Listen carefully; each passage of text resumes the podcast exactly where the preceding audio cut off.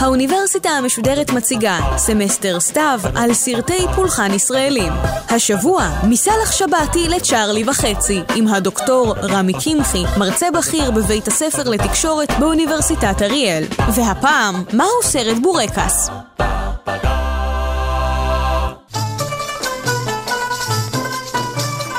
ערב טוב. בהרצאתנו האחרונה שאלנו מה מקור ההצלחה המסחרית הפנומנלית של סרטי הבורקס.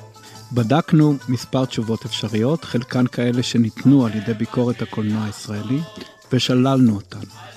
סיימנו עם המסקנה שלפני שאנחנו מתפנים לענות על השאלה הזאת, אנחנו צריכים לענות על שאלה מקדמית, והיא, מהו סרט בורקס? מה מבדיל סרט בורקס מסרטים ישראלים שאינם בורקס? נראה שהתשובה הכללית והאינטואיטיבית ביותר על השאלה הזאת היא שסרט בורקס הוא סרט שמעמיד במרכזו קהילה או משפחה מזרחיים.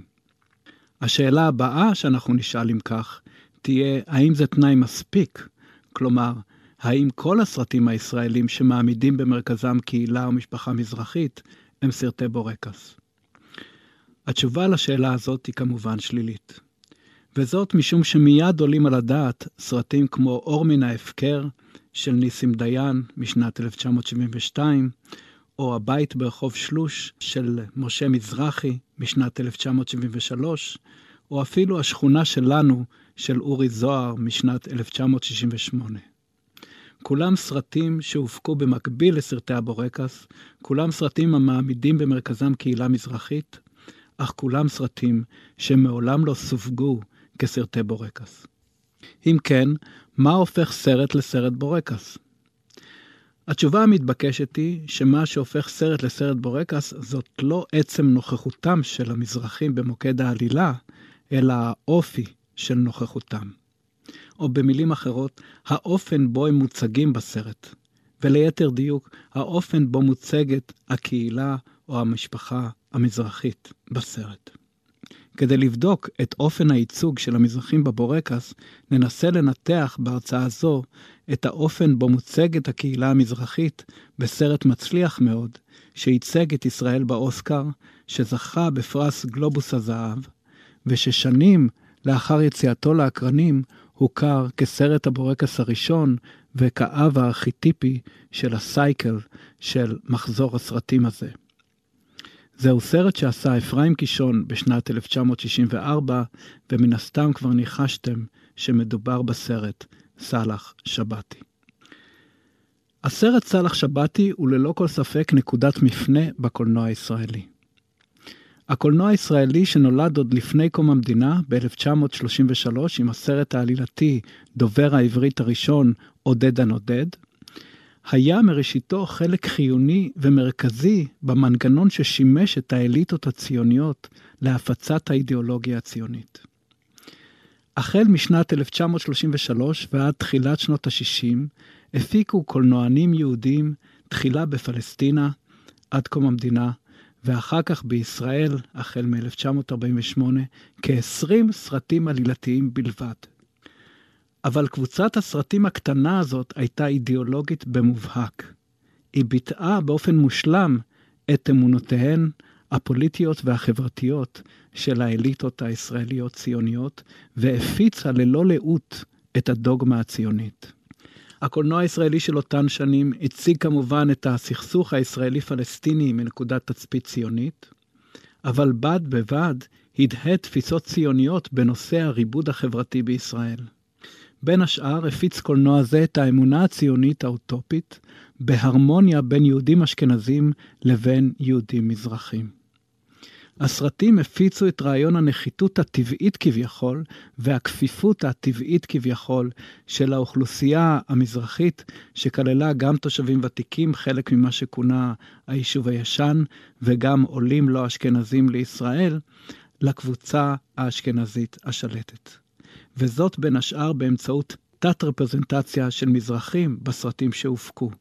כלומר, יצירת מחסור בדמויות מזרחיות בסרטים אלה. וליהוק של הדמויות המזרחיות המעטות שהופיעו בהם לתפקידי משנה. אך דומה כי הקונפורמיות של הקולנוע הישראלי המוקדם הזה לדוגמה הציונית הגיעה לסיומה עם יציאתו לאקרנים של סאלח שבתי. הסרט, שזכה מיד לפופולריות ולהצלחה יוצאי דופן, סטה מהצגת היחסים בין אשכנזים למזרחים כהרמוניים באמצעות הצגה דרמטית של עימות בין מזרחים לאשכנזים, כמו גם סטה מנורמת תת-הרפרזנטציה של המזרחים והפצה של רעיון נחיתותם האינהרנטית, בהציבו לראשונה בקולנוע הישראלי דמות מזרחית בתפקיד ראשי. דמות מזרחית בתפקיד גיבור הסרט. סאלח שבתי הוא סרט על מהגר. גיבור הסרט, סאלח, הוא יהודי ערבי בשנות ה-40 לחייו, יליד מדינה מוסלמית. הסרט נפתח כשסאלח מגיע לישראל עם אשתו ושמונת ילדיו. עם בואם נשלחים כולם למעברה. פקידי המדינה, כולם אשכנזים אגב, מודיעים לסאלח שזה פתרון לזמן קצר בלבד, עד שהשיכון שלו יהיה מוכן, אבל עד מהרה מסתבר שזהו שקר או לפחות הגזמה בוטה, ושסאלח ומשפחתו יצטרכו להישאר במעברה זמן רב. מנקודה זאת ואילך מתאר הסרט הן את מאבקו של סאלח להשגת דיור של קבע, שהוא גם מאבק דרך מוסדות המדינה ופקידי המנגנון שמתנכלים לו, והן את מאמציה של משפחתו להסתגל לארץ החדשה.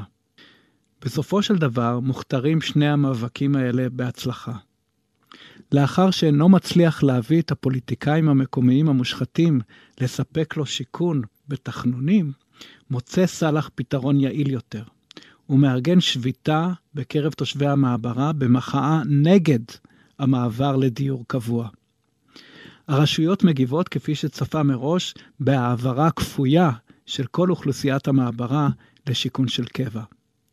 שום עולה חדש לא יכתיב לנו מה לעשות, הם אומרים. בנוסף, נראה שהמאבק האחר גם הוא מסתיים בהצלחה אדירה ובלתי צפויה. בסופו של הסרט, בתו הבכורה של סאלח עומדת להינשא לאהובה, חבר הקיבוץ, הצבר האשכנזי, זיגי, ואילו בנו הבכור של סאלח, גם הוא מתכונן על להתחתן עם צעירה צברית אשכנזייה באותו קיבוץ שעונה לשם בת שבע. מבחינות רבות, סאלח שבתי הוא סרט חדשני ופורץ דרך. הוא חורג מן הקונפורמיות של סרטי הקולנוע הישראלי המוקדם לדוגמה הציונית, דרך חתירה תחת כמה מן התבניות הקולנועיות בהן השתמשו סרטים אלה להדהוד האידיאולוגיה הציונית, ועל ידי עיוותן של אחרות. במרכז האידיאולוגיה הציונית של התקופה עומד רעיון העבריות. התנועה הציונית האמינה שהיא יכולה ואף צריכה לשנות את מה שראתה כטבע המעוות של האדם היהודי הגלותי, ולהפוך את היהודי הגלותי לאדם עברי, בעל זהות עברית, א-יהודית מפורשת. דמותו של היהודי הגלותי נראתה בעיני הציונים ככזאת שמממשת תכונות שיוחסו ליהודים בשיח האירופי האנטישמי. יהודי כזה התאפיין בעיניהם בפחד ממרחב פתוח וגם מדברים אחרים, בעירוניות, בתוקפנות, בחולשה גופנית, בבטלנות, בנטייה לנוכלות ובנשיות. בניגוד חריף אליו, האדם העברי החדש נתפס על ידי הציונים כמי שניחן בתכונות כגון גבריות, אומץ, יצרנות, כוח גופני, איתנות ושליטה במרחב הפתוח. בהתאם לאמונות הללו, אחת השאיפות המרכזיות של הקולנוע הישראלי המוקדם כמכשיר אידיאולוגי בידי האליטות הציוניות, הייתה להציג את האופי העברי ואת הזהות העברית כזהותה של האליטה האשכנזית הציונית וכזהות הרצויה לכל עולה יהודי לישראל. על ידי כך, הם הפכו את רמת ההיטמעות בזהות העברית לסימן למעמדה החברתי של הדמות.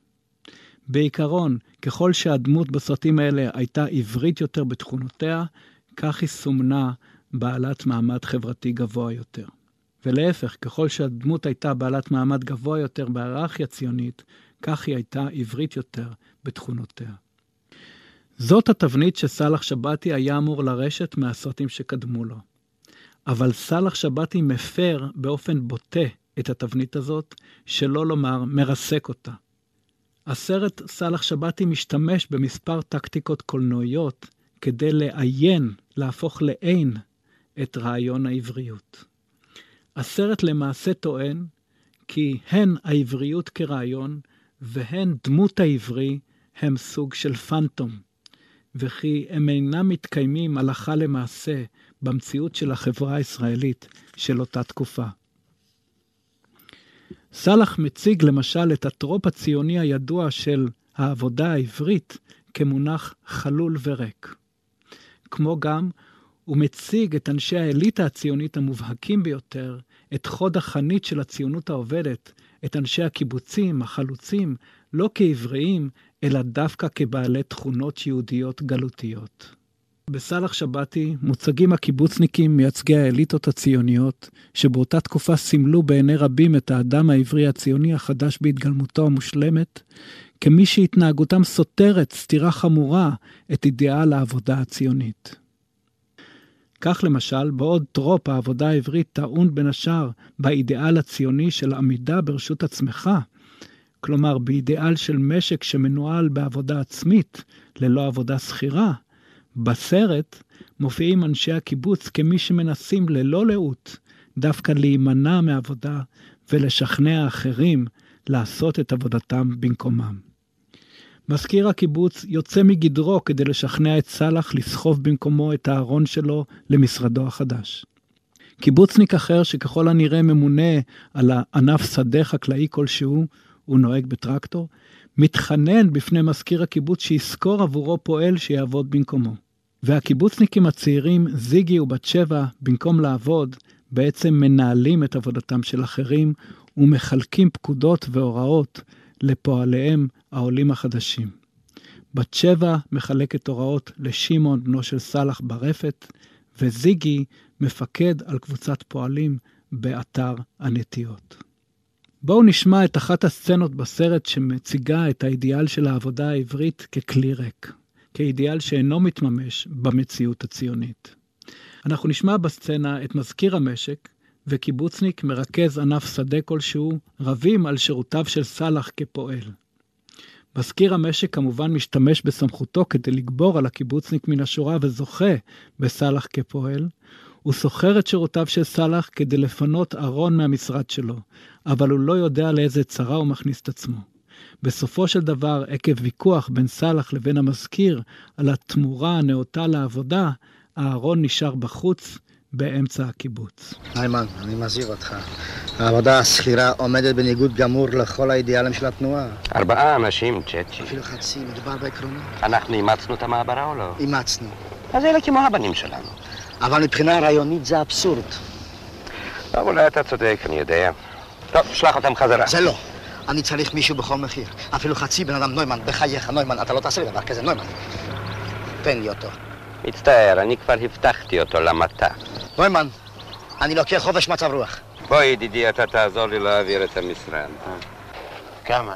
מה כמה? אדון, לסבל משלמים לפי חתיכה. יש לי תקציב רק לשש לירות. לא.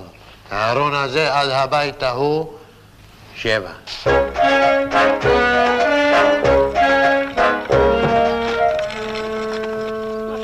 תזוז, חבר, תזוז, תעלה אותו, אחת, שתיים וגמרנו. אני לא. מה זאת אומרת לא? לא? סלח לי, ידידי, הסכמנו בפירוש שתיקח את הארון לבית הזה. עד הבית אמרתי. זה הבית, אז עד פה. ומי יעלה אותו למעלה? לא יודע. בית זה בית, למעלה זה כבר דבר אחר. ממני לא סחטים, בשעת הצורך אני מוכן אפילו, אפילו לבדי. שישים גרוש? שלוש לירות. מאיפה? לא יודע מאיפה, כל הקיבוץ של האדון, תמכור אותו. למכור. טוב מאוד, למכור. תראה, חבר שבתי, אתה רוצה עוד שלוש, אני מציע לך שישים גרוש. בוא נעשה קומפרומיס. בסדר, אני עושה בשביל האדון קומפרומיס אחד, אבל בלי דיבורים, אה? בסדר, כמה אתה דורש? שלוש שישים. היבט מהפכני אחר של הסרט סאלח שבתי מצוי בכך שבמקום להציג את הקיבוצניקים כמי שעובדים בחקלאות יצרנית, כפי שמכתיב האתוס הציוני, כפי שמכתיבה העבריות, הסרט מציג את חברי הקיבוץ כמי שעוסקים למעשה בפעילויות אותן מגנה בדרך כלל השיח הציוני כעיסוקים יהודיים גלותיים אופייניים. במקום להראות את הקיבוצניקים מאבדים את האדמה, מראה אותם הסרט כשהם עסוקים בניסוח ובפירוש של חוקי הקיבוץ ותקנותיו באספה הכללית של הקיבוץ, כמו יהודים גלותיים שעסוקים בפלפול תלמודי. הקיבוצניקים בסלאח מוצגים גם כמי שמנהלים משא ומתן מסחרי על ערכן של סחורות, כמו סוחרים יהודים גלותיים. זה קורה כשהם מנהלים עם סלאח משא ומתן על ערך העבודה שלו, כמו ששמענו את המזכיר עושה בסצנה הקודמת, וגם כשהם מנהלים עם סלאח משא ומתן על שוויה של בתו חבובה. ולבסוף, כמו יהודים גלותיים, הקיבוצניקים אפילו סופרים כסף ביידיש. כך, כאשר מזכיר הקיבוץ סופר את הכסף שהוא משלם לסלאח כדי לקנות את בתו חבובה ממנו, הוא סופר ביידיש. בואו נשמע את הסצנה המצחיקה של המשא ומתן על חבובה שנערכת בלול של הקיבוץ, שבסופה לוקח המזכיר את סאלח לארון, שבאופן גאוני עדיין נמצא שם בחוץ, בצומת השבילים במרכז הקיבוץ, איפה שהשאיר אותו סאלח. כי אף אחד לא טרח להזיז אותו. המזכיר נכנס איתו פנימה לתוך הארון, ושם סופר את כסף המוהר של חבובה מכל השפות בעולם, דווקא ביידיש, שהייתה מזוהה באותה תקופה בארץ עם זהות יהודית גלותית. כפי שהבנתי מדבריו של החבר זיגי, אתה דורש בעד בתך, חברה חבובה, 700 לירות. 800, אדון, 800. חבובה היא בחורה חזקה, בריאה, יכולה לעבוד כמו משוגעת. איזה סגנון. לא מדבר עם אישה. קשה לשמוע זאת. לא צריך לשמוע, גברת. אישה לא יושבת שומעת מה גברים מדברים. אישה הולכת לעבוד, כביסה ספונג'ה, לא יושבת שומעת, מה יש? אדוני היקר, אנחנו חיים במאה ה-20. אני חי במעברה, גברת. המאה ה-20 זה לא מקום בשביל לגור בו. גם מעברה לא. אה, לא מדובר כאן ברמת חיים. מדובר כאן בלב אנוש. מדובר כאן באב המוכר את ביתו כאילו הייתה סוסה. אני אגיד לך את האמת, אדון זיגי.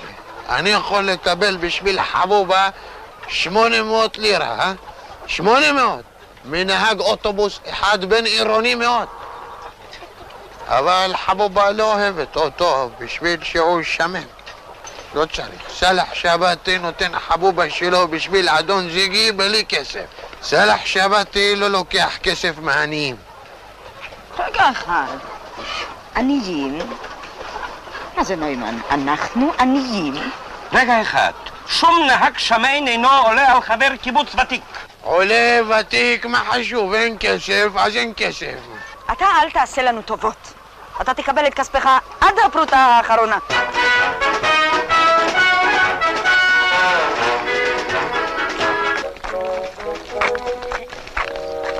סלח לי, חבר שבתי, באיזו צורה אתה רוצה לקבל את המגיע לך? בצורה של כסף.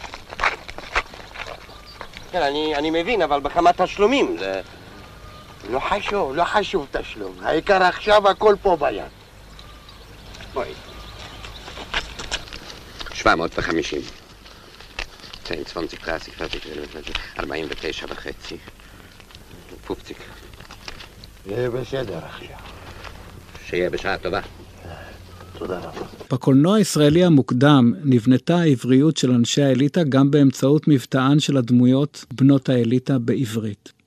הסרטים השתמשו בדיבור הילידי, הצברי, נטול המבטא של הדמויות האשכנזיות הציוניות כדי להצביע על עבריותן. בסאלח שבתי, לעומת זאת, כפי שבוודאי שמתם לב, פרט לשני הקיבוצניקים הצעירים, זיגי ובת שבע, כל שאר הדמויות השייכות למגזר האליטות הציוניות מדברות עברית במבטא שמעיד על מעמדן כמהגרים, ורומז בעת ובעונה אחת על היותן פרה-עבריות בעיני יוצרי הסרט. אם כך, בסופו של דבר, הסרט סאלח שבתי מעיין, הופך לעין, את העבריות. הסרט טוען שהעבריות אינה קיימת במציאות הישראלית של אותה תקופה. אך מאחר והקונפליקט בין פרה-יהודיות גלותית לבין עבריות עמד במרכז כל הסרטים הישראלים שקדמו לסאלח, וסביבו התארגנו הנרטיבים של הסרטים, חייב היה סאלח שבתי להמציא קונפליקט אלטרנטיבי שיעמוד במרכז הסרט ויארגן את הנרטיב שלו. וסאלח שבתי אכן ממציא קונפליקט כזה. סאלח שבתי ממציא קונפליקט אב חדש לקולנוע הישראלי. קונפליקט בין פרה-מודרניות למודרניות.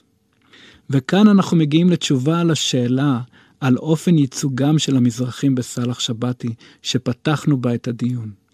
שכן, כיצד נוטע קישון, היוצר של סאלח שבתי, את הקונפליקט החדש שהוא המציא, הקונפליקט בין הפרה-מודרניות למודרניות, בתוך הסרט.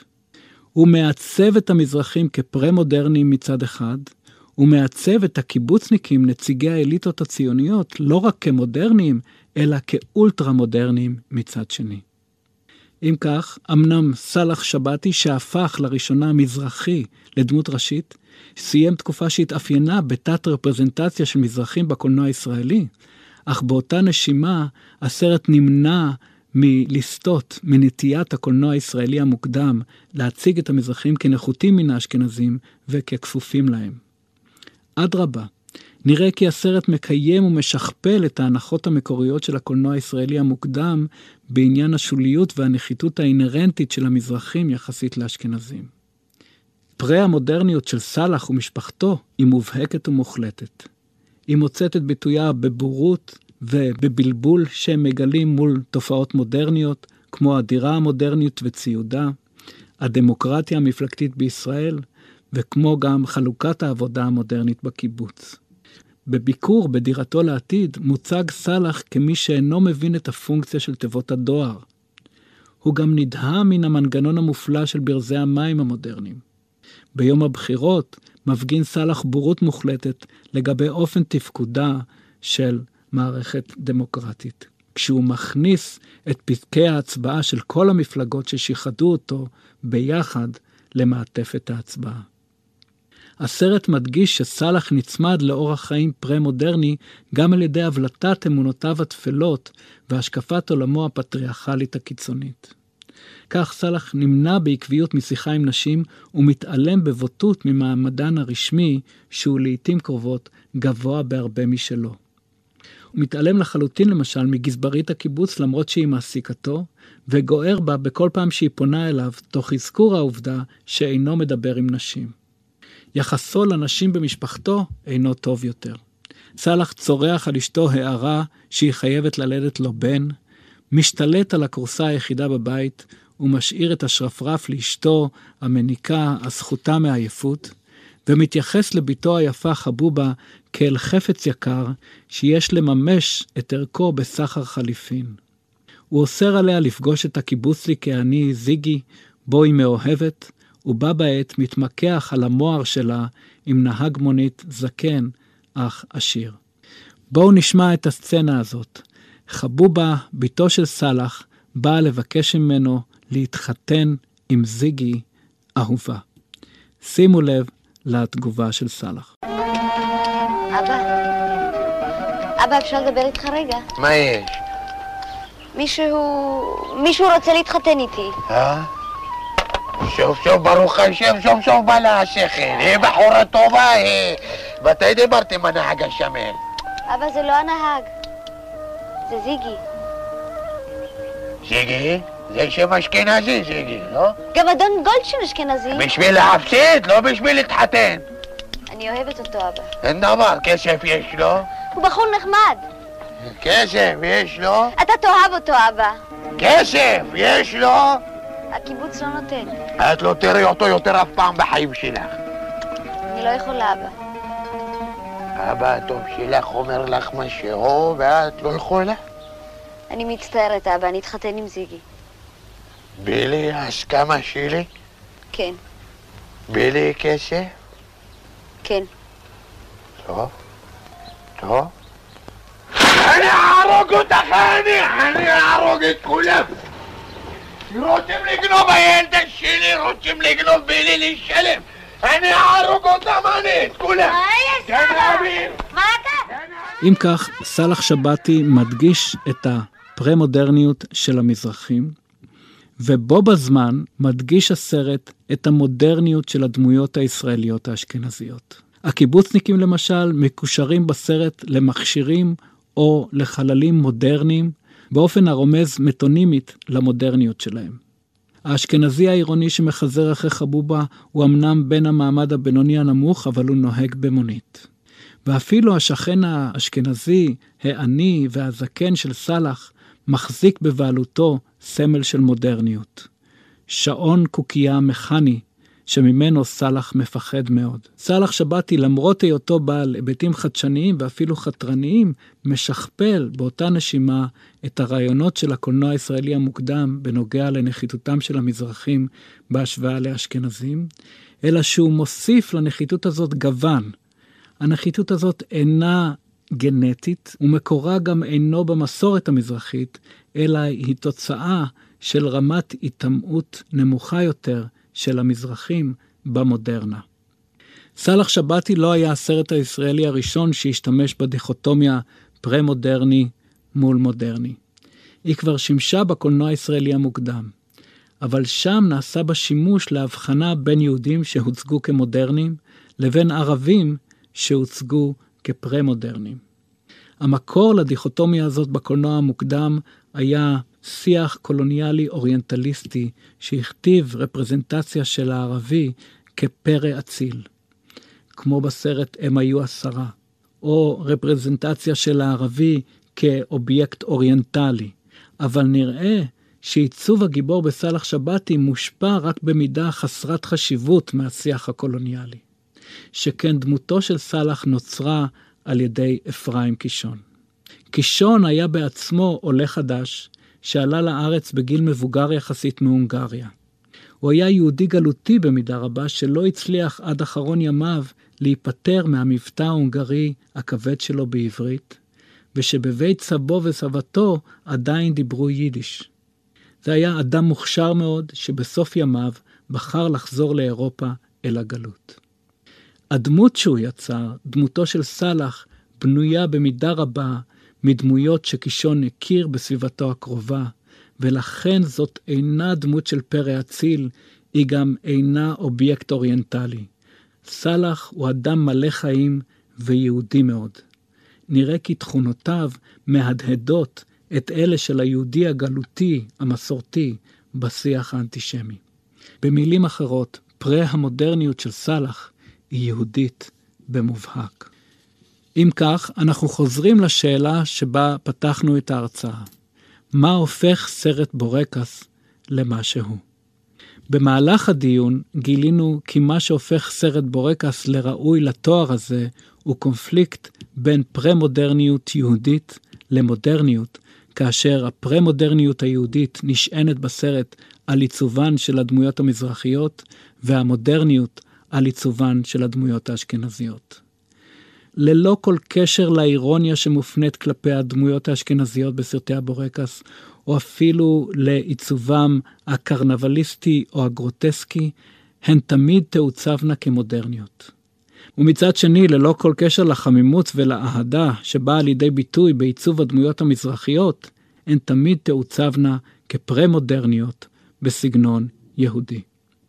ואכן, אם נבדוק את כל סרטי הבורקס, נמצא שהם כולם מתאפיינים, בדומה מאוד לסאלח שבתי, ברפרזנטציה מלאת חיים של המזרחים כקהילה יהודית מסורתית פרה-מודרנית. בפרק הבא נראה אילו מאפיינים נושא איתו הייצוג הזה של המזרחים כקהילה יהודית פרה-מודרנית, ונדגים את אופן ההצגה הזה על ידי ניתוח הצגת הקהילה המזרחית בסרטי בורקס, ובמיוחד בסרט הבורקס הקלאסי, צ'ארלי וחצי. אני מאמין שהמשך הדיון בכיוון הזה, וניתוח של אופן ההצגה המסוים של הקהילה המזרחית בסרטי בורקס כקהילה יהודית פרה-מודרנית, יובילו אותנו בסופו של דבר לתשובה על השאלה המרכזית שלנו בדיוננו בסרטי הבורקס, מהו מקור ההצלחה הפנומנלית והמתמשכת של סרטי הבורקס בישראל.